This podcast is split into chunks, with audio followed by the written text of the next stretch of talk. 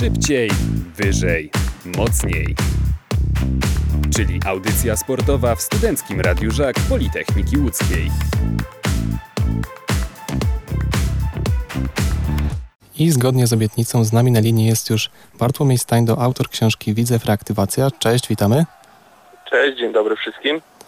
E, no i na sam początek chciałbym zapytać, bo od premiery książki minęło już chwilę czasu, bodajże niecałe trzy tygodnie, jeśli dobrze liczyłem. Przed tygodniem podpisywałeś książki pod stadionem, przed meczem e, z Koroną. W środę spotkania autorskie w stadionowym pubie. Gratulacje spływają ze wszystkich stron, chociażby na naszym Twitterze, gdzie mówiliśmy o dzisiejszej audycji. Mm, jak środowisko do tej pory odbiera Twoją pracę? Jestem szczerze mówiąc zaskoczony tym, jaki jest na razie odbiór, bo spodziewałem się jak w każdej sprawie, że będą zwolennicy, przeciwnicy, ludzie obojętni, a na razie E, raczej spotykam się z, e, ze słowami e, pozytywnymi, to na pewno cieszy i, i jest jakby no coś, czymś, co przekroczyło moje oczekiwania. Zarówno na spotkaniu autorskim, jak, na, jak i przed meczem z Koroną fajnie było zobaczyć wszystkich kibiców, zbić z nimi piątkę, napisać dedykację, bo pewnie wiele tych książek pójdzie na prezent dla kogoś, więc, więc czysta przyjemność, czysta radość i może jeszcze kiedyś będzie okazja, żeby E, żeby taki event zorganizować może już w nowym sezonie. Myślę, że odbiór jest e, pozytywny i, i bardzo mnie to cieszy. I co mówią e, kibice? Dziękuję Ci za opisanie tej historii, czy może jakieś inne szczególne słowa padają? Chyba najlepszymi dla mnie opiniami są póki co te, że tak naprawdę jest to historia, która jest prawdziwa. To znaczy nikt nie napisał laurki, nikt nie ograniczył się tylko do opisywania meczów, bo to pewnie byłoby nudne. Ta historia jest na tyle prawdziwa, na ile mogła być. Myślę, że e, niektórzy uznają to za tak zwane załatwianie się we własne gniazdo, czyli coś, co wywleka na wierzch e, jakieś tam tajemnice, rozdrapuje pewnie wiele ran, ale z drugiej strony e, na taką laurkę bez jakiejkolwiek e, krytyki, czy bez jakichkolwiek faktów niewygodnych dla widzewa, to sam Widzew nie zasłużył. Zasłużył na historię prawdziwą, bo ona sama w sobie też jest piękna, jako ludzie wszyscy popełniamy błędy i o tych błędach też trzeba było napisać. No ale z drugiej strony też pewnie jest może jakiś promil e, kibiców, którzy wyobrażali sobie więcej niż się faktycznie działo. E, wiele takich, nie wiem, można to nazwać teorii spiskowych gdzieś e, weryfikowałem w trakcie książki i wielu z nich też nie ma, no bo jeżeli nie miałem potwierdzenia w faktach, nie miałem potwierdzenia w zeznaniach też tych osób, które uczestniczyły w tej odbudowie Widzewa. Nie zgadzało się to w dokumentach, to, to takich spraw nie poruszałem i być może ktoś, kto e, chciałby lejącej się krwi co dwie strony też się zawiedzie, ale, ale myślę, że takich osób będzie mało. Większość raczej e, mam nadzieję przynajmniej taką, że, że będzie doceniała to, że nie ma tam owijania w bawełnę, ale też nie ma szukania sensacji na siłę. Gdzieś e, ta, ten złoty środek starałem się go znaleźć i, i mam nadzieję, że to się udało. Myślę, że tych smaczków jest całkiem sporo. Natomiast kiedy zacząłem czytać reaktywację, to moją pierwszą było, myślą było to, mm, ile, ile rozmów musiałeś odbyć, bo to grono rozmówców jest naprawdę imponujące. Tam się znaleźli działacze, zawodnicy, przedstawiciele kibiców. Liczyłeś może ile godzin, ile takiej, takiej surówki złożyło się na powstanie tej książki? Właśnie nie podsumowywałem jeszcze tego godzinowo, ale jeśli chodzi o osoby, to po przekroczeniu liczby chyba 110 przestałem liczyć e, i faktycznie tych osób jest może, może 115, może 120. E, godzin rozmów to się różnie układało. Najmniej chyba rozmawiałem pół godziny z jedną osobą, a najwięcej to chyba z Martyną Pajączek we Wrocławiu 7 godzin przegadaliśmy e, w ciągu całego dnia, więc różnie to się godzinowo układało. Długie były też rozmowy choćby z Piotrem Szorem, tam ponad 4 godziny wyszła rozmowa, e, kilka godzin z Władysławem Puchalskim, z Marcinem Głowackim, więc tych, takich rozmów też było wiele e, kilkuczęściowych, tak, czyli spotykaliśmy się z kimś na dwie godziny, później na trzy, później jeszcze dogrywka godzinowa, wiele takich e, długich, długich spotkań i z tego mm, chciałem, żeby wynikła jakaś historia. Nie chciałem pisać historii ze swojej perspektywy, bo ona po pierwsze jest y, na pewno gdzieś zrażona jakimś takim brakiem obiektywizmu. E, na pewno nie jest, y, nie jest to taka, nie byłaby to taka narracja jak w powieściach z perspektywy trzecio, trzeciej osoby, że, że wszechwiedząca, bo ja wszystkiego oczywiście nie wiedziałem. Chciałem się posłużyć ludźmi, którzy tworzyli ten widzę, bo oni wiedzieli najlepiej, co tutaj się działo, a, a przy okazji te słowa też często weryfikować, no i, i, wiele z tych słów się nie znalazło i chyba to wycinanie było najgorsze, jeśli mam być szczery, w takiej, e, w takiej pracy czysto redaktorskiej już, no to z bólem czasami trzeba było wycinać niektóre historie, bo e, rozgałęziały za bardzo opowieść, ale też zależało mi na tym, żeby ona była w miarę płynna, chociaż chronologicznie czasami to się e, to się nie składa, bo można też odnieść wrażenie, że skaczemy trochę, jesteśmy do, trochę do przodu, to za chwilę trochę do tyłu, wspominamy coś, co było. Mm, tak jak chociażby w rozdziale przy stadionie cofamy się mm, w czasie znacząco, ale e, mam wrażenie, że jest to jednak jakaś, jakaś e, płynność w tej całej opowieści e, i mimo tego, że trzeba było tych niektórych rozmówców mocno, mocno skrócić, no to, to jednak się udało zachować jakąś, jakąś ciągłość, jakąś e, jednolitość w tej narracji. To jest zawsze dylemat, e, co wyciąć, co zostawić zapewne. Natomiast e, czy masz taką rozmowę w tej książce, takiego rozmówcy, który ci gdzieś najbardziej zapadł w twojej pamięci, który no, stworzył największe wrażenie? Chyba inteligencja Tomasza Figlewicza to jest coś, co na pewno zaskakuje. Może nie, bo dużo dobrego słyszałem o panu Tomaszu, ale jest coś, co imponuje. Niezwykle inteligentny człowiek, mam wrażenie, że gdyby on był prezesem, to widzę, by na tym źle nie wyszedł, e, bo, bo faktycznie kompetencje, jakie ma i, i wiedzę, tak jak mówię, ogromną i to, to, to musi robić wrażenie. E, I pewnie jego musiałbym wyróżnić, ale nie chciałbym też z drugiej strony iść w kolejne nazwiska, bo no, bo ogólnie byłem pozytywnie zaskoczony inteligencją swoich rozmówców, ale też taki, takim klasą, obyciem, zwłaszcza ludzi ze stowarzyszenia Reaktywacja Tradycji Sportowych, bo bardzo dużo hejtu wylewało się przez kilka lat na, mm, na to grono osób i może właśnie nie konkretnie na jedną czy drugą osobę, ale na całą organizację i też trzeba przyznać, że głosy krytyczne były często zasłużone i nie wzięły się znikąd. Natomiast y, same te osoby, jak mówię, duża klasa, duże obycie, i może problemem było to, że właśnie zbyt dużo było takich, nie chcę powiedzieć samców alfa, ale na pewno liderów e, w swoich branżach i mało może słuchania innej strony, może mało zrozumienia dla innych pomysłów, e, próba forsowania swojego, no bo e, wyobraźmy sobie sytuację, że naprawdę spotyka się lider, nie wiem, może nie chcę używać słowa lider, ale ktoś znaczący w branży prawniczej, w branży budowlanej, w branży, nie wiem, jakiś piekarz, który naprawdę ma sieć piekarni, jest szefem sam dla siebie, szefem swojej firmy, no i nagle przychodzi do grona stowarzyszenia i musi się, albo no nie musi właśnie, yy, różnie bywało, ale, ale słuchać też innych osób, wypracować jakieś wspólne stanowisko i to chyba stanowiło największą trudność, no ale tak, tak yy, chyba wygląda takie yy, rządzenie trochę kolegialne, trochę takiej wspólnocie, że, że te problemy się pojawiają, pojawia się różnica zdań i ta książka to w sumie jest taki opis nie tylko fenomenu sportowego czy piłkarskiego, ale takiego też czysto ludzkiego, jak ludzie z różnych światów, bo przecież świat kibicowski, świat biznesu to są naprawdę różne, różne światy, jak oni się muszą dogadać, żeby jednak ten wózek o nazwie Widzew powoli, powoli szedł do przodu. A jaki był Twój sposób działania przy poszukiwaniu rozmówców? To znaczy mm, taką metodą kuli śniegowej docierałeś do kolejnych osób, czy może były e, problemy z dotarciem do kogoś, a może ktoś w ogóle e, nie zgodził się porozmawiać? Kilka odmów e, na pewno było i mogę powiedzieć, już nawet nie wymieniając nazwisk, że po czasie, kiedy ktoś przeczytał na przykład całą książkę, to mówił, że żałował, że nie wziął jednak w tym udziału, bo miałby y, fajną pamiątkę. I kilka takich głosów do mnie dotarło. Ludzi, którzy wcześniej powiedzieli, że jednak się nie udzielają, medialnie nie chcą komentować swojej pracy w Widzewie, no to później żałowało i faktycznie, y, faktycznie tak było. W jaki sposób? Większość tych ludzi mimo wszystko znałem, bo od 2015 roku sam jako wolontariusz w Widzewie pracowałem w dziale powiedzmy to medialnym, chociaż wtedy to tak naprawdę wszyscy, którzy chcieli pomóc tej odbudowie na starcie, to zajmowali się zajmowali się wszystkim. Ja pamiętam, że nawet y, byłem operatorem kamery, kiedy widzę w y, TV potrzebował kogoś, nie wiem, w zastępstwie awaryjnie ktoś wypadł i, i trzeba było tą kamerą kręcić w lewo, w prawo, żeby kibice przez internet mogli oglądać mecz i pamiętam chociażby taki y, z Omegą Kleszów, gdzie wygraliśmy 2 do 1 w takiej mocnej ulewie i przegrywaliśmy 1 do 0, tam duży charakter był pokazany w zespole Marcina Puski.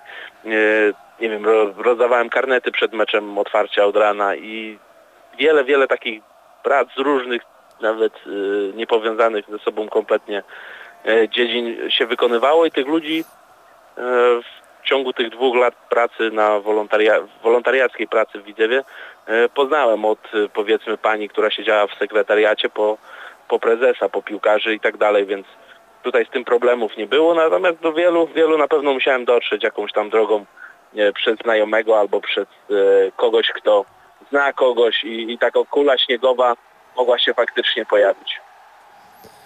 Powiedz y, trochę jeszcze, cofając się trochę bardziej, bardziej w czasie y, do tych absolutnych kulisów, kiedy w ogóle narodził się pomysł na napisanie reaktywacji? Jak długo on trwał, ten proces powstawania?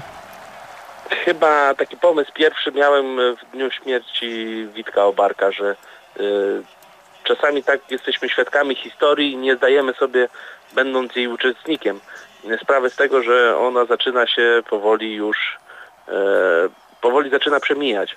I, I, ci ludzie zaczynają powoli odchodzić i, i, coraz gorzej u nich z pamięcią, bo to też był e, problem czasami. Nie zarzucałem na przykład swoim rozmówcom kłamstwa, ale już musieliśmy kilkukrotnie czasami badać niektóre sprawy i dochodzić do tego, czy faktycznie to się stało e, w ciągu dwóch dni, bo pamięć patała figle i wszystkie wydarzenia na przykład spłycała do dnia jednego. Przykład e, z rejestracją stowarzyszenia, gdzie zależało mi na tym, żeby dokładnie wiedzieć kiedy, co, jak i dlaczego i w którym samochodzie, którą ulicą generał Marcin Głowacki, jak, jak jechał z dokumentami rejestrować to stowarzyszenie, więc E, a na przykład jemu się te dwa dni zlały w jeden dzień i opowiadał jakby to była e, tylko środa albo bodajże tylko wtorek, już nie pamiętam teraz, ale, ale żeśmy to wszystko musieli jakoś w czasie w kalendarzu rozłożyć, żeby, żeby ta odpowiedź była naprawdę spójna. Często się te wersje nie zgadzały, dlatego musiałem mm, dzwonić i weryfikować e, raz jeszcze jakby wszystkie te zeznania,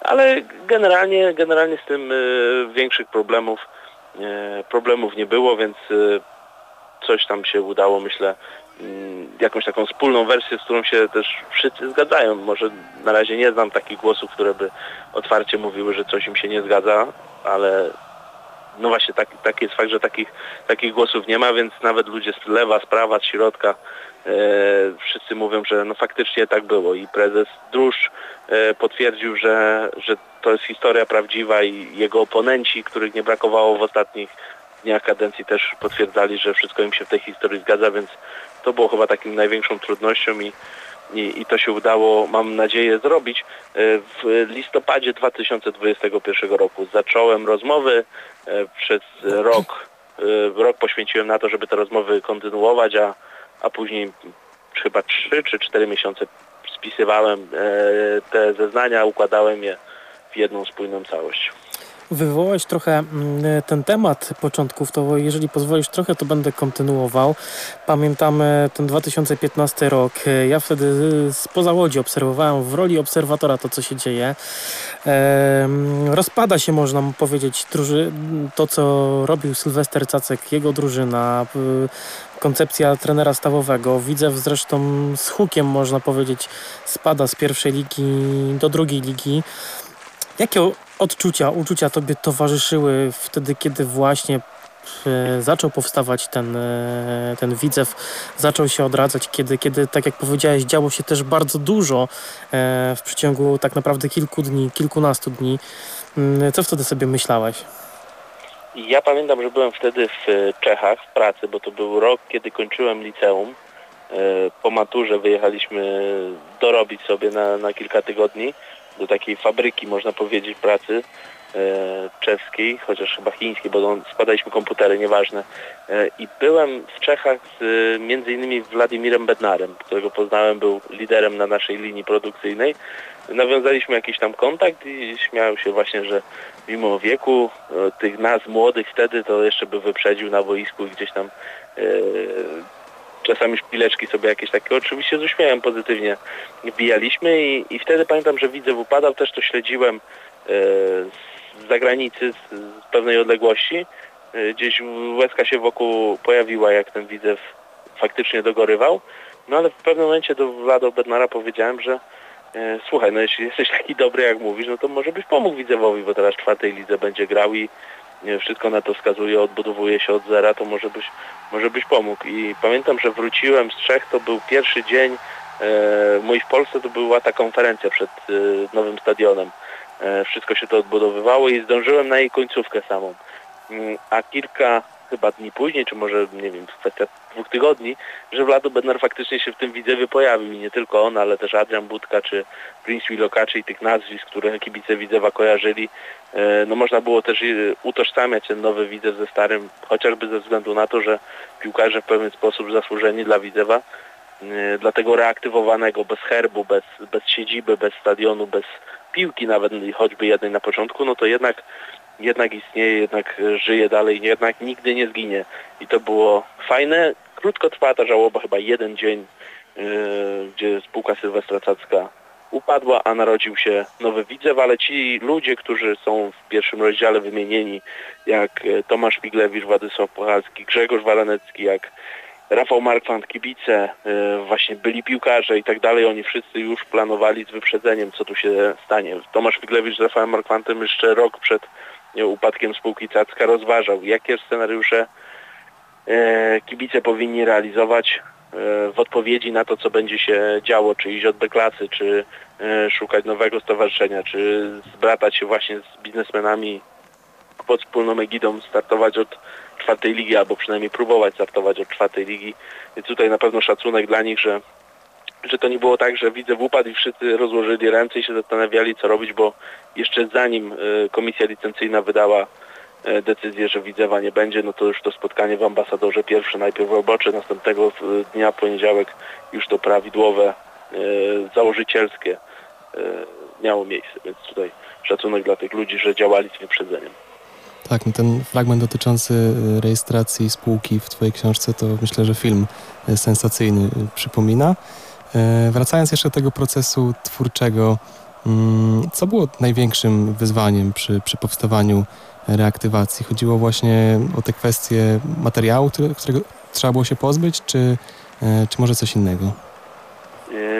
Nie zrozumiałem chyba pytania. Materiałów, których trzeba było się pozbyć. E, pozbyć? Czyli co masz na myśli? Czy, czy, ta selekcja była najtrudniejsza, Aha. czy może były jakieś inne wyzwania? Jeśli chodzi o pisanie, to myślę, że stworzenie właśnie historii, która będzie do przełknięcia, no właśnie źle po powiedziałem nawet, nie tyle do przełknięcia, bo prawda jaka jest, to, to nie można sobie tym żonglować, jakby nie chodziło o to, żeby pudrować cokolwiek albo ukrywać, bo prawdę trzeba było przedstawić, wszystko to, co się działo i, i przy tym nie kombinować, natomiast dotrzeć do tej prawdy e, możliwie najbliżej e, i możliwie jak najwięcej ludzi e, zaangażować cały ten proces dochodzeniowy, można tak powiedzieć, e, żeby tak jak mówię, żeby nie było e, w środowisku e, niezgody na to, co, co, co zostało napisane, żeby, żeby jakieś się nie pojawiły nagle frakcje. Jedna mówi, że wcale tak nie było, bo było inaczej, a druga odpowiada jeszcze inną historię.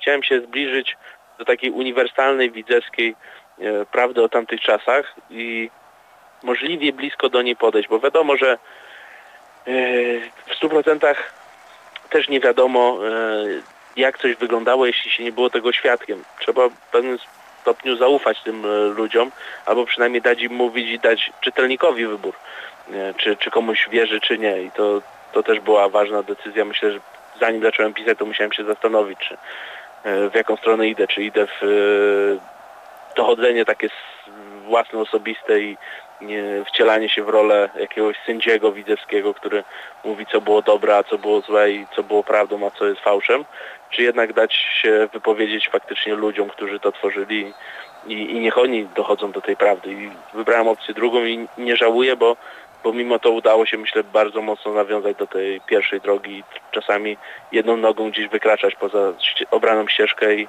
i tej prawdy dotykać. Więc to było na pewno największe wyzwanie.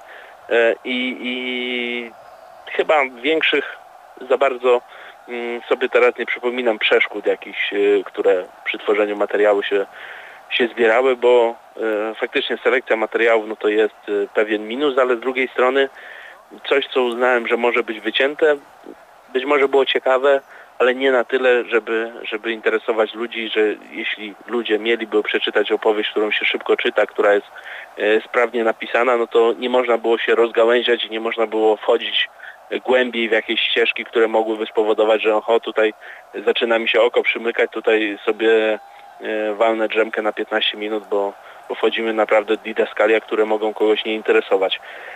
Może jeszcze taka sprawa, że ciężko też było napisać opowieść, którą może przeczytać kibic Widzewa, ale i też ktoś, kto się nawet piłką nożną nie interesuje. I tutaj chyba takie szukanie takiej uniwersalności było trudnością, bo napisać książkę, którą kibice Widzewa docenią, a nikt inny nie przeczyta, było w miarę łatwo, bo wystarczyło yy, no, lecieć tak naprawdę po bandzie i te szczegóły nie przejmować się, czy to, czy to będzie zrozumiałe dla kogoś z zewnątrz, czy nie. I, i wtedy tych pewnie cięć może byłoby mniej, może ta książka byłaby grubsza, może właśnie wchodzilibyśmy w te szczegóły jeszcze głębiej, ale e, dobrze było też napisać opowieść dla e, ludzi niezwiązanych z widzewem, a może nawet niezwiązanych ze sportem, bo to też jest e, tak naprawdę historia o sile tej społeczności, o, o problemach, jakie łączą tak naprawdę środowisko i później sukcesach, które dzielą i jak sobie radzić z jednymi i z drugimi to była, myślę, taka uniwersalna też historia.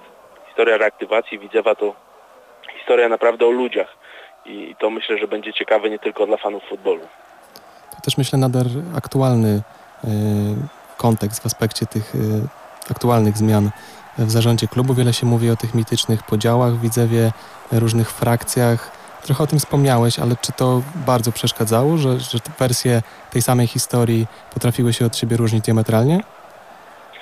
Y, przypominam sobie takie jedno spotkanie z y, dwójką ludzi, może nie będę mówił nazwiskami, ale z jednym spędziłem kilka godzin, później pojechałem do drugiego i spędziłem również kilka godzin. Ja bym słuchał o dwóch różnych widzewach, więc to był, była na pewno trudność, ale y, co do zasady, jeśli na przykład wydarzyło się zdarzenie X, no to jeden i drugi mogą mieć inny pogląd na to, czy, czy to było coś dobrego, czy coś złego, ale w tym, że się wydarzyło, raczej nikt nie próbował tego ukrywać, tak? Jeżeli e, powiedzmy ściągnęliśmy kogoś, e, jakiegoś zawodnika, jeden może powiedzieć, że to był dobry zawodnik, drugi, że słaby, ale że on do Widzewa przyszedł, jakby nie podlegało wątpliwościom i to, to na szczęście nie, nie było częste, żeby ktoś się nie zgadzał co do faktów. Nawet jeżeli te fakty były dla niego niekorzystne, to potrafił e, wziąć na klatę, przyznać się do błędu i to też było na pewno, na pewno pozytywne, że, że nawet jeśli Wiadomo, że ego jest w widzewie, zwłaszcza kiedy jesteś na świeczniku, ludzie cię obserwują albo cię dopingują, później cię gnoją, to e, no to często cierpi to ego, bo ciężko też z takiej pozycji, gdzie jesteś uwielbiany przez fanów, nagle mm, znaleźć się w miejscu, gdzie w internecie e, kibice są na ciebie wściekli, a tak było często z prezesami Widzewa, z pracownikami Widzewa, z, z piłkarzami, przepraszam, z trenerami, że łatwo było zejść z piedestału i nagle stać się gdzieś tam wrogiem, mini wrogiem takiej publiczności, powiedzmy chociażby internetowej. Mm, I przez to opowiadanie o własnych pomyłkach, potknięciach, błędach na pewno było dla tych ludzi ciężkie, ja to widziałem. Niełatwo się przyznać do błędu, niełatwo powiedzieć, że coś się zawaliło a, a, i dlatego też ceniłem tym bardziej te opowieści. A czy frakcje mm, Widzewie y, to była rzecz ciężka do rozwiązania, ale myślę, że teraz po, po premierze tej książki, jak ktoś yy, przeczytają dokładnie, to te wszystkie e, środowiska widzewskie, dookoła widzewskie, e, wszystkie te nazwiska stowarzyszeniu, one mu się gdzieś tam, mm, myślę, nie, nie, tylko się przybliży do nich, ale też nie tylko ich pozna, ale też e, rozwikła tę ten, ten pajęczynę widzewską, to ten słupeł widzewski jakoś, jakoś uda mu się rozwikłać i będzie wiedział, co się dzieje. Na przykład te zmiany, które teraz zaszły, Mateusz Dróż został odwołany, a Maciej Szymański powiedzmy dowołany do e, zarządu, że był konflikt Mateusza powiedzmy Dróża z Remigiuszem Brzezińskim, a jaki wpływ ma e, zdanie Remigiusza Brzezińskiego na właściciela Tomasza Stamirowskiego, że Stamirowski Brzezińskiemu ufa, Szymański jest dla niego m, mm, bardzo cennym pracownikiem i wypowiada się o nim pochwalnie bardzo, no to ktoś, kto czytał książkę, to o tym doskonale wiedział, bo, bo, bo takie informacje też w książce są, więc pewnie mniejszym zdziwieniem będzie dla niego to, co się w ostatnich dniach widzę wiedziało i taki, takie zalanie sobie tą książką fundamentów, e, jeśli chodzi o poznanie widzewskiego środowiska, na pewno e, więcej mu rzeczy rozjaśni niż, niż e, zaciemni. Ten obraz będzie jaśniejszy i to, co się dzieje w Widzewie też będzie dla niego jaśniejsze. Myślę, że też mocną stroną książki jest e, ilość takiego mięsa e, z szatni piłkarskiej i w tym kontekście chciałem zapytać Cię, mm, czy masz jakieś swoje personalne e, ikony reaktywacji, jeśli chodzi o piłkarzy? Mm, Michał Czaplarski, Mariusz Zachubiński to na pewno z tej pierwszej drużyny Adrian Budka, Prince Wilokaczy, tak pierwsze na myśl przychodzą. Bohaterami nowego stadionu na pewno był Daniel Mąka i Mateusz Michalski, bo na skrzydłach tak naprawdę latała drużyna Przemysława Cecherza. E, Później za czasów Franciszka Smudy, no nie sposób nie wspomnieć o bramkarzach, bo mieliśmy bardzo dobrych i oni trzymali szatnie, czyli Patryk Wolański i Maciek Humerski. Humera się żarty trzymały i każdy, kto mm, komu wspomniałem nazwisko Humerski, na pewno się uśmiechał e, mniej lub bardziej delikatnie i, i wspominał, że Humer jest mistrzem anegdot i muszę z nim porozmawiać, więc to był dla mnie priorytet, jeśli chodzi o tamtą drużynę i faktycznie rozmowa z Humerem wiele rzeczy przypomniała, przybliżyła. No i nie tylko śmiesznych, bo przecież zdarzenie z finish parkietem, no to e, i same kulisy tego, co tam się działo przed meczem. Myślę, że nikt e, tak kulisów e, tamtego zdarzenia nie, nie opisał. Nie był tak blisko pewnie też dowiedzenia się, co krok po kroku się działo, czy, czy Przemysław Cecherz wszedł do szatni, jaka była tam rozmowa i tak dalej, i tak dalej. Tego nigdy nie przeczytałem e, w żadnym miejscu i fajnie, że udało się e, takie historie również, nie tylko śmieszne, anegdotki jakieś, ale, ale też poważne sprawy gdzieś poruszyć, czy utrata opaski kapitańskiej Patryka Wolyńskiego, to jest jedna z takich też mocniejszych historii, myślę, e, w tej książce.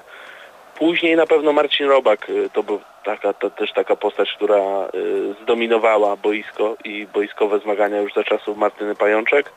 No a w drużynie Niedźwiedzia, no to, to, to tych nazwisk byłoby bardzo dużo i, i y, też są przybliżane, pewnie będą co tydzień w serialu Kanal Plusa. A my mieliśmy do nich dostęp też za pomocą kulisów, za pomocą wielu wywiadów w różnych mediach, więc Marek Hanuszek czy, czy Bartek Pawłowski mm, i tak dalej, i tak dalej. Tutaj ta drużyna Patryk Stępiński, Daniel Tanżyna, mm, ta, ta drużyna, która zrobiła awans, no to na pewno w sercach wielu kibiców pozostała i tak samo jak mecz z Podbeskidzią, który kończy, kończy całą opowieść, y, no to tutaj ciarki mogą przejść po ciele, bo, bo emocji wtedy było co niemiara i i uwielbienie myślę, że dla tych zawodników nie mniejsza. Dla mnie tak osobiście jeszcze mógłbym dodać chyba Konrada Reszkę, który y, miał bardzo ciężko, żeby się w tym Widzewie przebić, a jednak był tym zawodnikiem, który świętował awans, a jednocześnie grał w tej drużynie Witka Obarka i to on spina klamrą całą tą historię też w bardzo taki romantyczny y, sposób. A jakieś ulubione momenty? Dwa to się domyślam, że awans do Ekstraklasy i Ostruda, ale może coś jeszcze? Ta Omega Kleszów chyba mi utkwiła w pamięci. Utkwił mi w pamięci gol Piotra Burskiego na 1 do 0, albo nie wiem czy to było na 1-0, może na 2-1 już. Już tyle tych meczów było, że, że może mi się coś mylić, ale na milionowej, gdzie, gdzie podleciał do publiczności ten płot chyba tam nie wytrzymał. E, Ci kibice tak zaczęli go obciskiwać. E, Czy jeszcze jakieś takie momenty? Myślę, że Śląsk Wrocław w Pucharze Polski. Legia Mhm. na pewno też, chociaż przegrana. Tutaj niestety 3-2 było dla naszych rywali z, ze stolicy Polski, ale to był moment, gdzie te szaliki na koniec powędrowały w górę i tych emocji przy wyrównaniu stanu gry było co niemiara. Myślę, że Witka Obarka drużyna też taki moment e, miała w e, Pajęcznie, bo zawsze pierwsze rzeczy też są takie trochę wyjątkowe i ten gol Świątkiewicza, e, helikopter latający gdzieś w tym Pajęcznie, kibice w takiej no nie powiem właśnie, że y, sektorze gości, bo bardziej to przypominało klatkę otoczeni taką siatką bez, bez trybuny, po prostu stojący na, na ziemi. No to też będzie taki moment, który zostaje. Tak, no ten koloryt niższych lig to na pewno coś wyjątkowego. Przechodząc już do tych wydarzeń e, bieżących, to jak odbierasz ten zakończony przed tygodniem sezon właśnie w kontekście e, procesu reaktywacji? Czy o takim zwieńczeniu marzyłeś? Y, Jest to zwieńczenie, to może zwieńczenie to może się odbyło z happy endem z Podbeskidzią, a tu już bym nazwał to nową erą mhm. E, Widzewa. Właśnie też spieraliśmy się często z rozmówcami, gdzie tę historię zakończyć. I wiele głosów było takich, żeby zakończyć ją tam, gdzie Tomasz Tamirowski przejmuje Widzew, bo to jakby kończy proces takiego oddolnego tworzenia Widzewa, teraz ktoś e, jeden ma ten Widzew w swoim e, władaniu i, i może decydować i tak dalej, więc tutaj ośrodek władzy skupił się u jednego człowieka i to już jest naprawdę nowa era. I faktycznie ten sezon, gdzie był awans, no to dało się odczuć dużą różnicę w e, działalności Widzewa Łudzia. Ten sezon ekstraklasowy, no to już była taka wisienka na torcie i nagroda dla kibiców za, za te wszystkie lata, gdzie musieli się najeździć po y, przeróżnych miejscowościach. Wikielec, y, pamiętam tą grochówkę w sektorze y, gości, gdzieś Tur Bielsk Podlaski i wiele, wiele innych miejscowości, których, do których Widzew normalnie jeździć nie powinien jako klub wielki utytułowany, a jednak historia i życie pokazało, że, że trzeba było się tam wybrać, więc teraz pojechanie na stadion do Wrocławia, Gdańska, e, na Legię, na Lecha, no to było coś pięknego i e, coś, na co każdy kibic z utęsknieniem czekał i to faktycznie było zwieńczenie. Myślę, że e, jesień i zdobycie podium w Ekstraklasie, no to to też było takie wydarzenie, które mi przynajmniej mocno w pamięci zapadnie, bo ja nigdy jako kibic Widzewa od jestem rocznik 9-6, a pierwszy mecz miałem w sezonie 2000-2001, no to od tego sezonu nigdy Widzew nie był w tabeli na półmetku tak wysoko. E, rzadko też był wyżej niż ostatecznie udało się to 12 miejsce zająć, bo chyba tylko 4 lata miałem e, jako kibic lepsze, jeśli chodzi o wynik e, miejsce Widzewa w całej piłkarskiej Polsce. 12 miejsce na pewno to jest rozczarowanie, bo wiosna rozbudziła apetyty, ale trzeba to też z pokorą i szacunkiem przyjąć. A tej pokory i szacunku właśnie nauczyły mnie przynajmniej te lata reaktywacji. E, szacunku do tego, gdzie jesteśmy teraz i, i trochę nauczyły też spokoju, bo bardzo często mieliśmy gorące głowy. E, był mecz ze Zniczem Pruszków, czy, czy ta seria remisów 10, gdzie woda się w nas, krew, przepraszam, gotowała się w nas e, bardzo szybko, a nic z tego dobrego nie wynikało z tej, tej, tej ciągłej takiej e, presji, nagonki na to, żeby e, naprawdę, nie wiem, złością odmienić obecną rzeczywistość. To się nie udawało, a teraz dużo spokoju. Sam fakt, że Janusz Niedźwiedź wytrzymał ten kryzys pod tym kątem, że nadal jest trenerem Widzewa i trzeci sezon niedługo rozpocznie, no to, to, to, to świadczy o tym, że dużo się w nas kibicach też zmieniło i to jest na pewno pozytywne ale mimo wszystko chyba 12 miejsce można przyjąć z pewnym rozczarowaniem i nie mówię nawet w kontekście tej znakomitej jesieni, bo ona trochę też chyba była mimo wszystko ponad stan, powiedzmy sobie szczerze.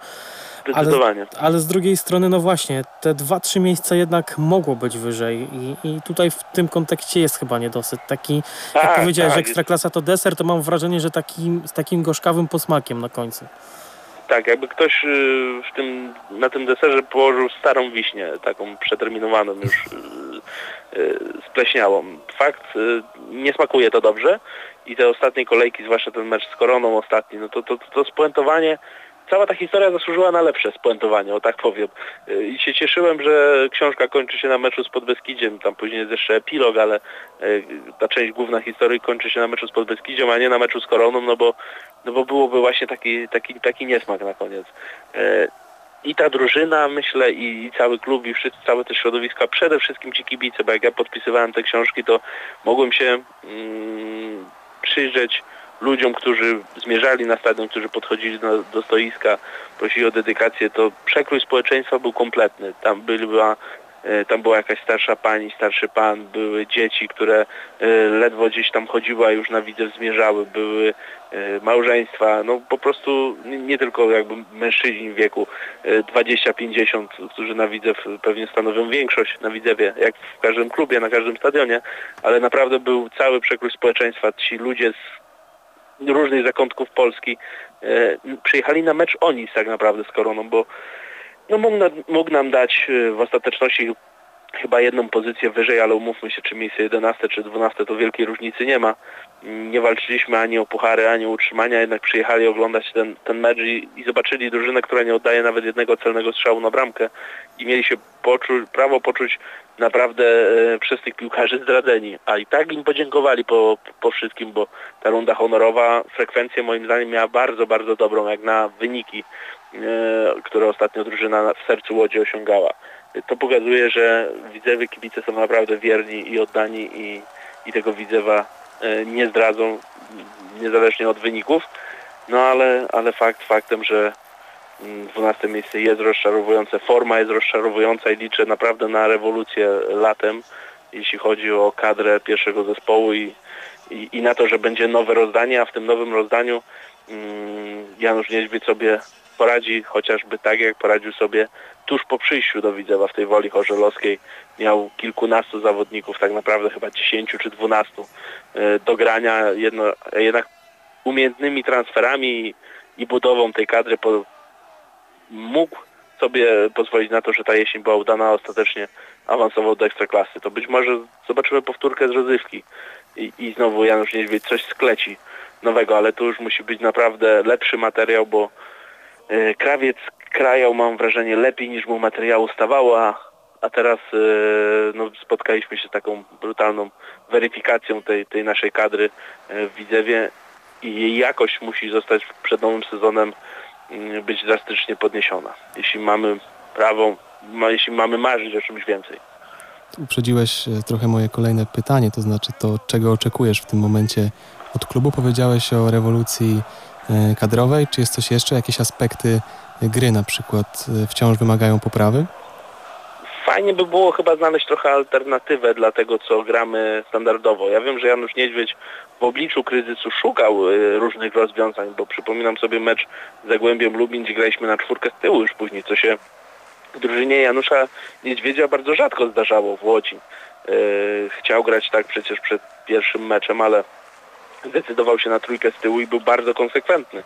Żadnego innego meczu nie zaczął inaczej niż trójką stoperów, a w obliczu słabych wyników próbował jednak jakichś innych różnych rozwiązań i mam nadzieję, że to lato będzie też poświęcone na to, że e, sztab szkoleniowy Widzewa z zawodnikami będzie w stanie reagować częściej na, e, na to, co się dzieje w meczu, częściej zmieniać e, swoje ustawienie, swoje nastawienie, będzie e, bardziej nieprzewidywalny dla rywala, jednocześnie oczywiście zachowując takie pryncypia w swojej grze, czyli to utrzymanie się przy piłce, rozgrywanie od własnej bramki, budowanie akcji, mm, głównie po ziemi, wymienność pozycji, ok, to jest wszystko fajne, efektowne, jeśli to działa, to, to zachwycało całą piłkarską Polskę, ale dobrze byłoby też mieć coś w zanadrzu, coś, coś yy, przygotowanego, kiedy drużynie nie idzie. I też doprecyzuję, że mówiąc na rewolucja, nie mam na myśli oczywiście wymiany 15 osób w kadrze, ale te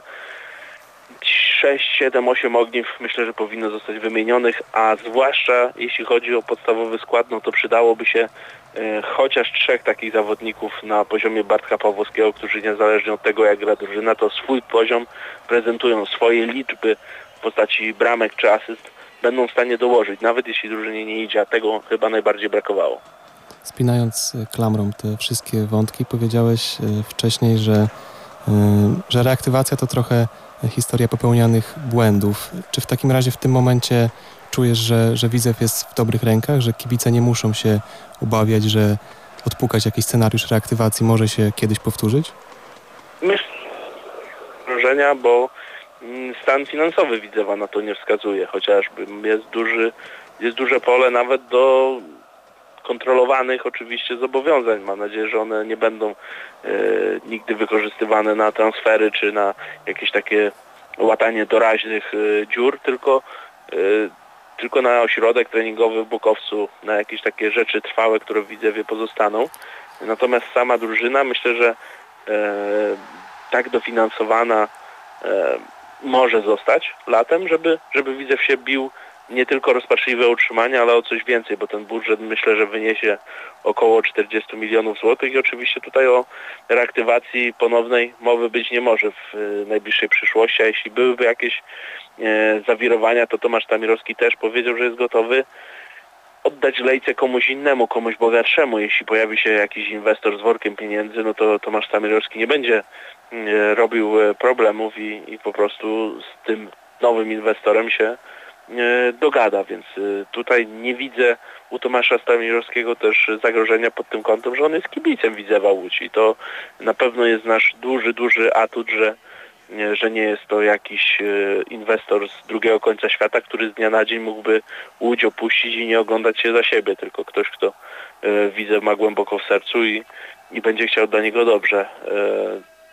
E, I jest to jakieś zabezpieczenie. Jeśli mamy coś ufać, no to na pewno zaufanie do właściciela jest kwestią absolutnie podstawową i zagrożenia reaktywacją, jak mówię, nie widzę, a też myślę, że to w książce jest wyjaśnione, E, na, na, na faktach, na liczbach, że, że takie zagrożenia takiej reaktywacji nie było też zanim e, Tomasz Tamirowski przejął Widzew, bo może Widzew byłby biedniejszy, na pewno dużo biedniejszy. E, może musiałby sobie pozwolić na sezon 2 takiego troszeczkę, brzydko mówiąc, dziadowania w tej pierwszej lidze na, na przetrwanie. Być może tego nie wytrzymaliby kibice i ten boom karnetowy na pewno byłby nieco mniejszy. Nie mówię, żeby się moda na widzę skończyła, bo pewnie to już nie jest moda, tylko jakaś tradycja. E, ale, ale takiego zagrożenia nie widziałem i, i oczywiście teraz tym bardziej, tym bardziej go nie widzę. Trzymamy zatem kciuki za pomyślną przyszłość i zachęcamy do lektury książki Widzew Reaktywacja, a naszym gościem był jej autor Bartłomiej Stańdo. Dzięki serdeczne za rozmowę. Dziękuję za rozmowę. Mam też nadzieję, że Widzewowi będzie szło dobrze, że już nigdy nikt y, książki o reaktywacji Widzewa nie będzie musiał pisać. Wszystkiego dobrego. Dzięki wielkie. Szybciej, wyżej, mocniej czyli audycja sportowa w Studenckim Radiu Żak Politechniki Łódzkiej.